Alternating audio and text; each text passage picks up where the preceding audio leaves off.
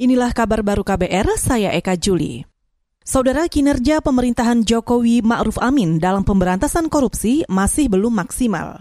Fraksi Partai Keadilan Sejahtera atau PKS DPR menilai pemberantasan korupsi tidak mengalami peningkatan yang signifikan selama setahun masa kepemimpinan Jokowi Ma'ruf.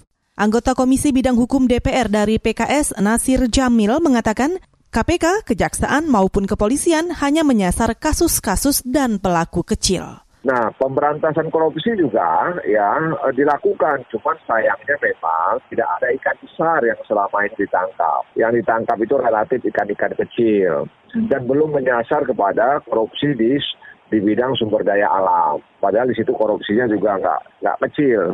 Oleh karena itu menurut saya ikan-ikan yang ditangkap selama ini kebanyakan ikan yang relatif kecil, ya bukan ikan-ikan besar, ya, terutama di sektor energi dan sumber sumber daya alam. Anggota Komisi Hukum DPR dari fraksi PKS Nasir Jamil juga menyinggung pengungkapan kasus korupsi besar yang diungkap media, yaitu kasus Joko Chandra. Kasus ini melibatkan pejabat kejaksaan hingga perwira tinggi kepolisian. Menurut Nasir, jika kasus itu tidak terungkap di media, ada kemungkinan para pejabat terkait itu tidak diusut tuntas. Fraksi PKS meminta ke depan kepemimpinan Jokowi Ma'ruf lebih menekankan penyelidikan korupsi besar, terutama di bidang energi dan sumber daya alam yang selama ini minim penegakan hukum. Saudara tim gabungan pencari fakta atau TGPF menemukan dugaan keterlibatan oknum aparat dalam tewasnya pendeta Yeremia Zanambani di Intan Jaya, Papua pada 19 September lalu. Hasil temuan TGPF itu akan menjadi bahan masukan kepolisian untuk mengusut perkara tersebut secara hukum pidana. Juru bicara Mabes Polri Awi Setiono mengatakan, kepolisian akan memproses sesuai fakta hukum.